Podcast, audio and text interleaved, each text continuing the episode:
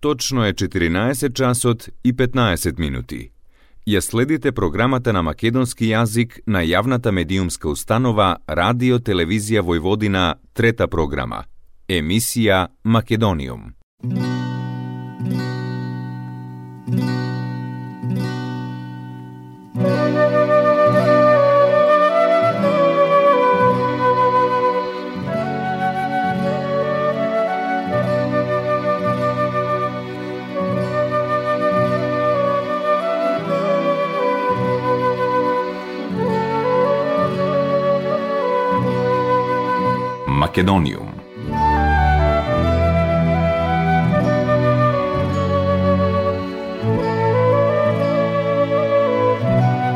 Добар ден и добре дојдовте во најновото издание на емисијата Македониум.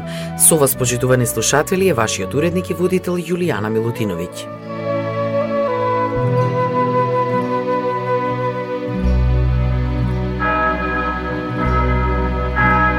Македониум.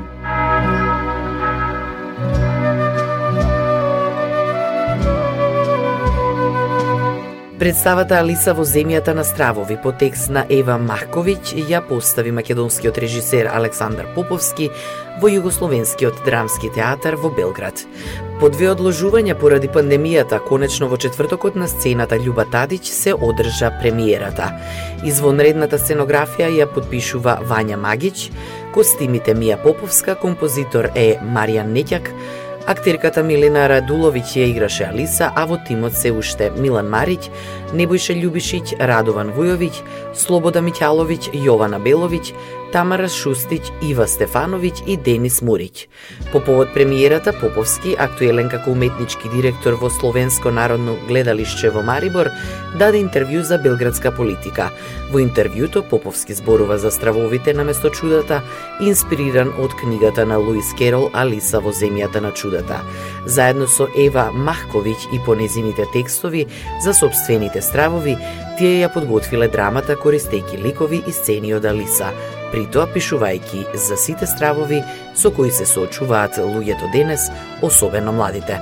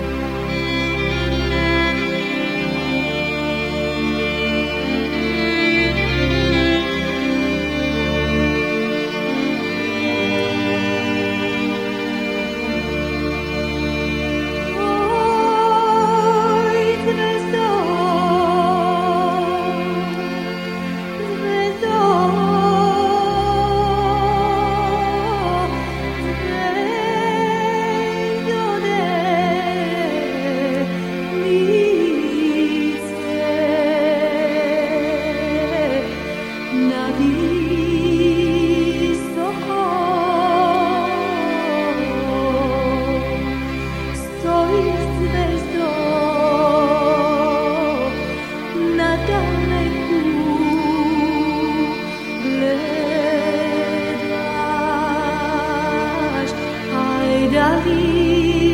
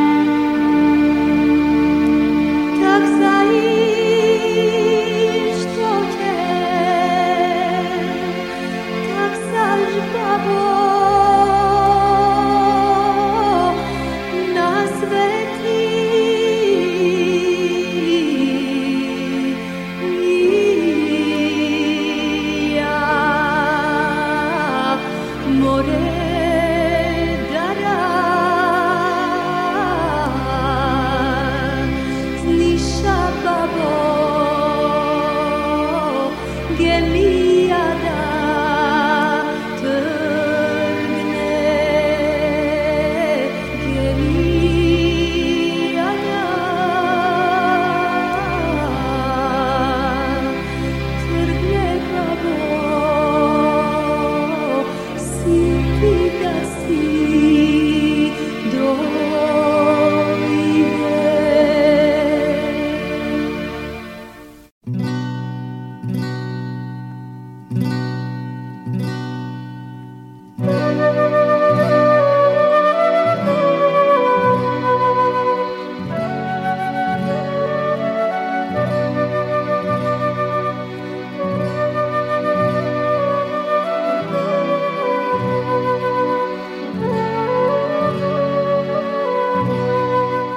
Македониум.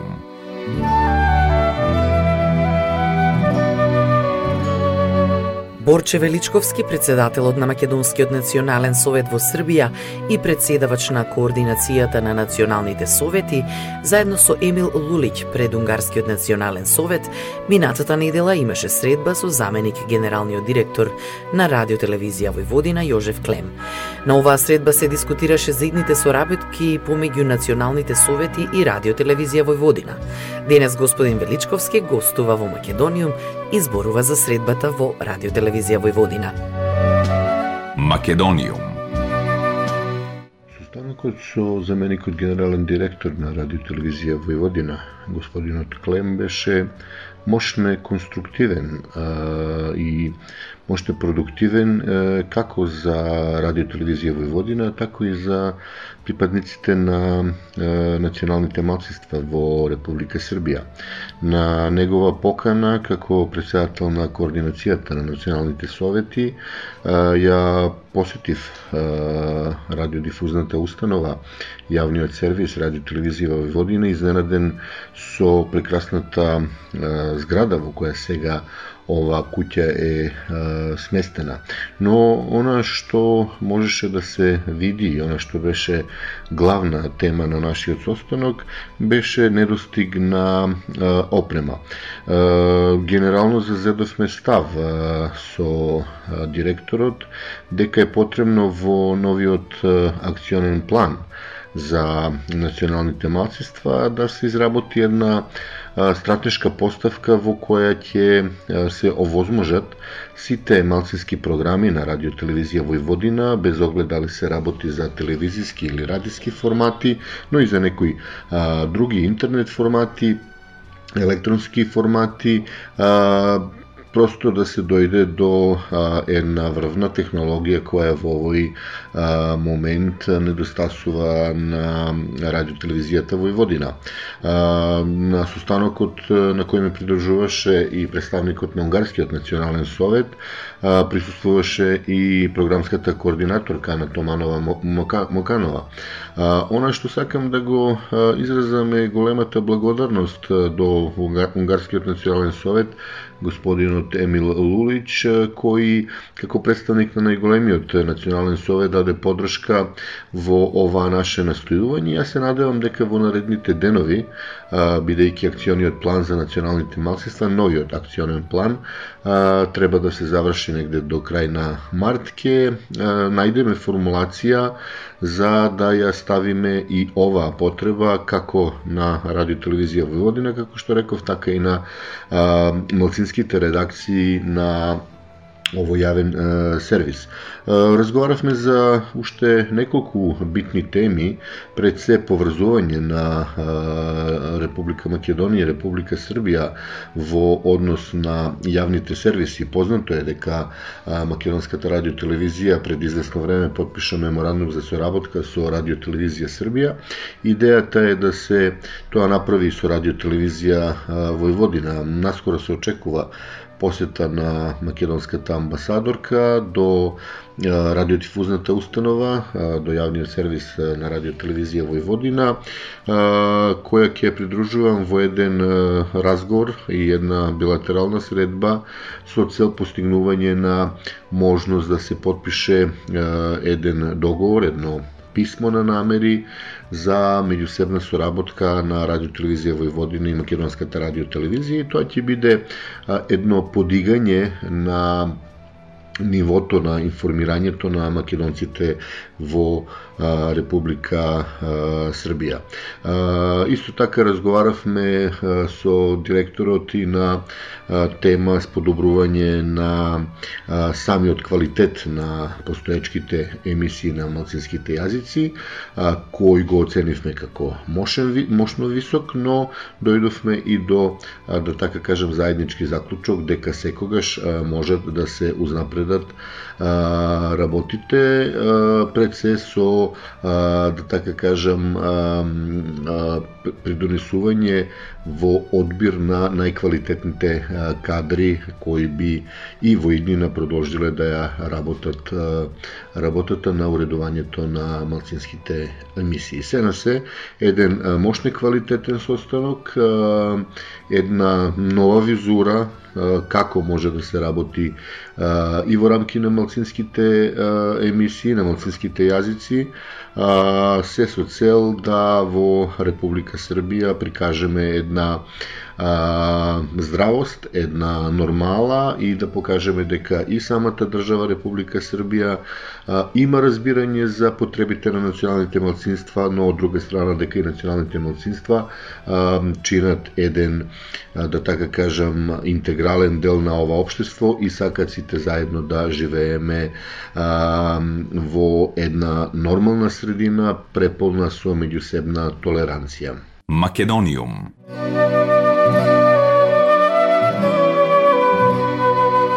Како председавач на координацијата на националните совети на националните малцинства во Република Србија, ја имавте и првата седница на ова тело. Заедничката седница на Мешовитата меѓувладина комисија на Република Србија и Република Македонија за следење на меѓудржавниот договор за правата на српското малцинство во Република Македонија и македонското малцинство во Република Србија а, после 17 полни години од подпишување на овој меѓудржавен договор, кој ќе подсетам тогаш го подпиша а, државата која се викаше Република Србија и Црна Гора и а, Република Македонија, а, го доби на некој начин својот епилог. Имено а, за да почне еден ваков меѓудржавен договор да функционира и за да почне да има својата формално правна снага мораше да се освои овој предуслов, односно да се формира и да започне со работа оваа мешовита комисија. Како што реков, 17 полни години чекавме на овој момент, 17 полни години а, стремевме кон овој момент, а, се случува огромни предизвици и во двете држави, а, со, да така кажам, некогаш јасни, некогаш помалце јасни, а некогаш и потполно нејасни причини зошто не се случува формирање на ова мешовита меѓувладина комисија, но еве, а, таа се случи на 7 февруари во Палата Србија се одржа првиот званичен состанок каде што а, го донесовме правилникот за работа на оваа комисија во еден иден период. И во таа насока можам да истакнам дека направивме еден квалитетен пресек на а, остварените а, права или степенот на остварените права на македонското национално малцинство во Република Србија и степенот на а, остварените права на српското национално малцинство во Република Македонија. Во таа насока имав едно, да така кажам, подолго системско излагање за на собраните резултати, на собраните потреби, на собраните идеи во изминатите 20 години, бидејќи ќе подсетам оваа година припадниците на македонската национална заедница во Србија ќе го прослават јубилејот 20 години од институционалното организирање на а, македонците а, на овие простори, како што е познато до 91 година ние бевме а, конститутивен народ, преку ноќ практично постанавме национално малцинство и негде до 2000-та втора, прва, втора година, али пред се до втора година бевме на некој начин во едно сузревање. 2002 година во местото Јабука, местото со најголема концентрација на нашите припадници, се случи еден состанок на 50 на интелектуалци од цела Србија, каде што решивме да го спречиме она што во моментот стана неминовно. Имено, на пописот помеѓу 1991 и 2002 година, а, свативме дека полека не однемува, ние а, паднавме за 43,1% во е, нашата бројка на нашата присутност во Република Србија. Тоа беше голем аларм. На тој состанок донесовме одлуки да започнеме со формирање на а, здружение на територија на цела Србија, веднаш потоа многу брзо се случи и формирањето на Националниот совет и се од тука наваму станува дел од нашата историја. Значи, 20 години од нашето институционално организирање во Република Србија, 75 години од нашето доселување во автона покрајна Војводина и еве се совпаѓа со започнување на работата на мешовитата меѓувладина комисија. Република Србија именува 17 членови на оваа комисија, меѓу кои сум и јас, тоа се припадници, односно државни секретари во главно во тој ранг на речиси сите битни и познати министерства во Република Србија, потребни за квалитетна работа на националните малцинства, односно покрински секрета, секретаријати на АП. Пе Војводина. Од страна на Република Македонија се именувани седум члена на комисијата. Вчера бевме сите присетни, како што реков, го усвоивме правилникот за работа, направивме пресек на а, состојбите во а, заедниците и договоривме принцип на заедничка работа. Она што можам да го истакнам дека а, што најверојатно и во записникот ќе се најде а, често беше употребувана употребуван зборот реципроцитет и најверојатно дека во иднина ќе работиме а, врз а, системот на реципроцитет, односно на уважување на она што го ние имаме остварено како права за да може да го остварат србите во Македонија и обратно она што србите го имат како права за да можеме да го оствариме ние овде во Република Србија. На сите нас ни посакувам среќа и а, морам да кажам да истакнам дека ова е многу а, битна работа, историска работа за добро на македонскиот народ на овие простори. Македониум После 17 години исто така пред два дена започна со работа мешовитата меѓувладина комисија за следење на меѓудржавниот договор помеѓу Србија и Македонија за следење на правата на србите во Македонија и македонците во Србија. Да, кон крајот на месецот јануари, како председавач на координацијата на националните совети на националните малцинства во Република Србија ја одржа првата седница на ова тело кое го сочинуваат сите 23 национални совети во 2022 година. А, имавме просто потреба да дефинираме а, одредени работи кои се битни за нашето функционирање, односно функционирање на сите малцинства во 2022 година.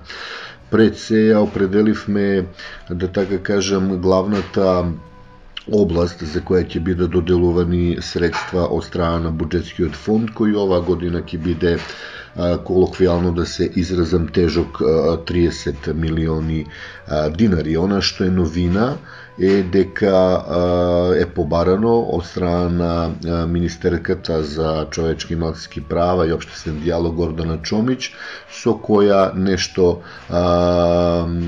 по координацијата организиравме и една седница, еден состанок е договорено да националните совети во а, идната додела на а, средства и понатаму од страна на буџетскиот фонд земат поголемо учество во а, оваа работа.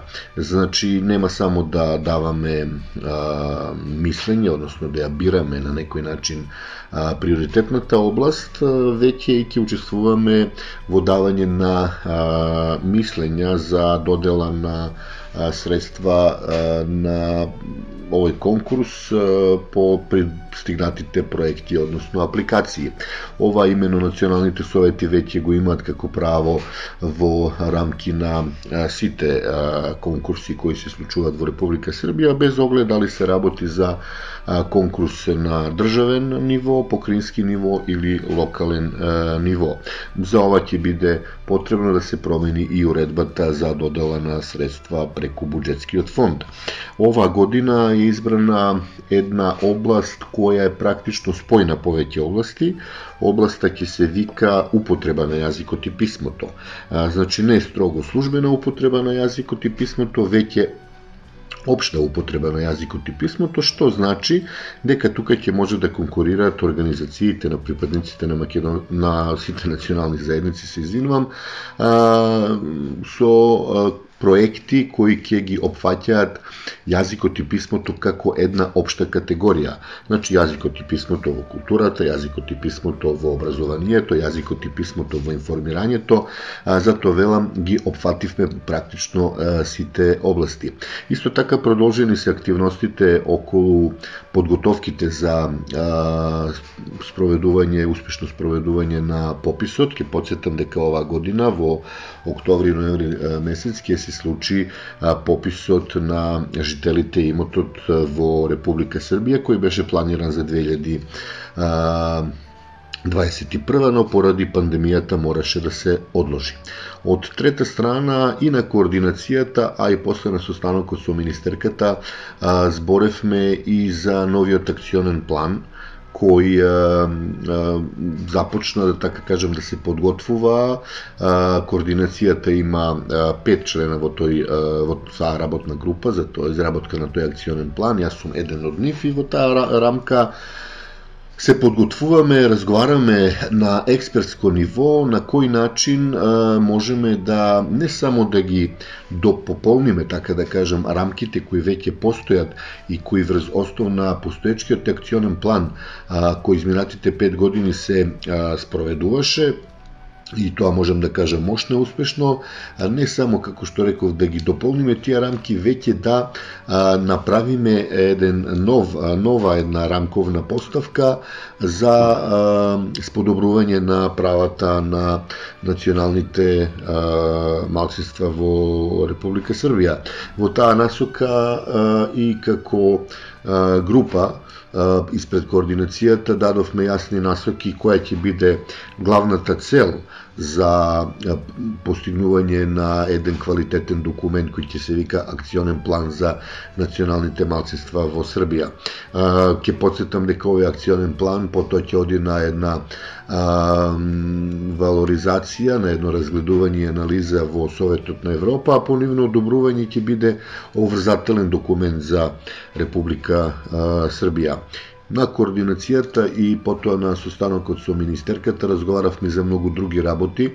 А, во сите четири области министерката не извести за активностите кои делумно а, ни беа познати, нешто тоа и не ни беше познато за а, активностите на Министерството за човечки и малцински права и обштествен диалог во 2021 година, но и за наредните а, планови на ова Министерство во 2022 година. Од друга страна, а, јас како председател на координацијата ја известив за сите активности кои ги имавме како координација во 2021 година, за плановите во 2022 година, а секој председател на Националниот совет кој го представува ја извести министерката за нивните активности во 2021 година и за плановите во 2022 година. Се на се имавме неколку квалитетни седници и конференции со цел да сите заедно на некој начин придонесеме во Република Србија во 2022 година на најквалитетен начин да се спроведува заштитата на малцинските права. Македониум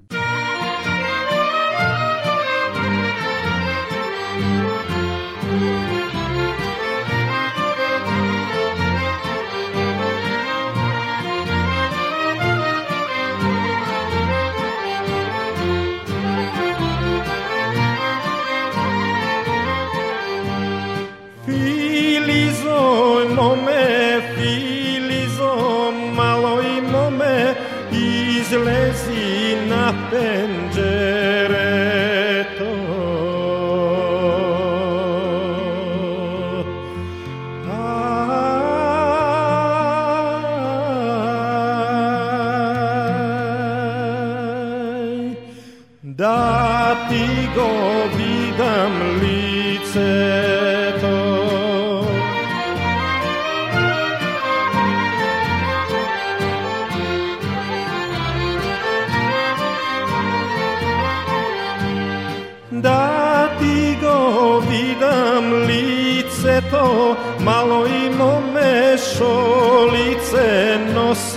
na tebe.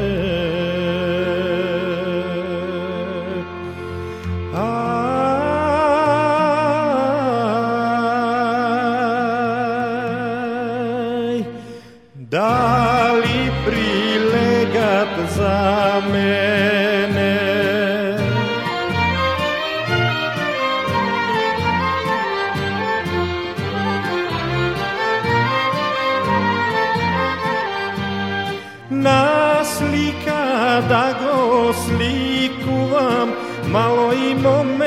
имаме втевтерот да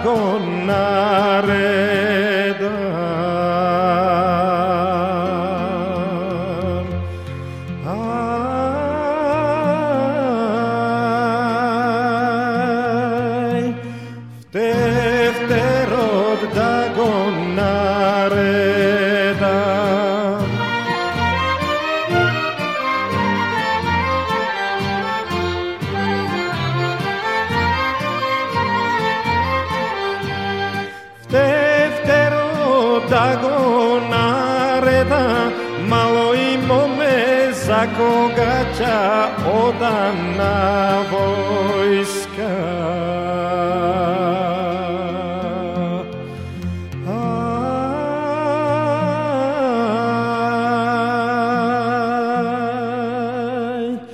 za koga ťa odám nám.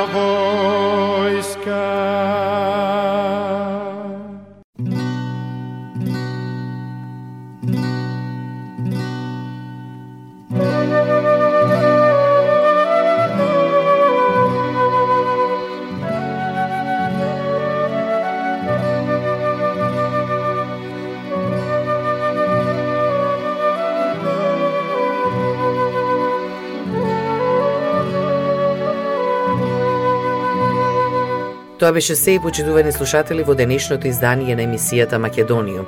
До следната среда во исто време, голем поздрав од вашиот уредник и водител Јулијана Милутиновиќ. Ја следевте програмата на македонски јазик, емисија Македониум. Главен и одговорен уредник Воин Поповиќ.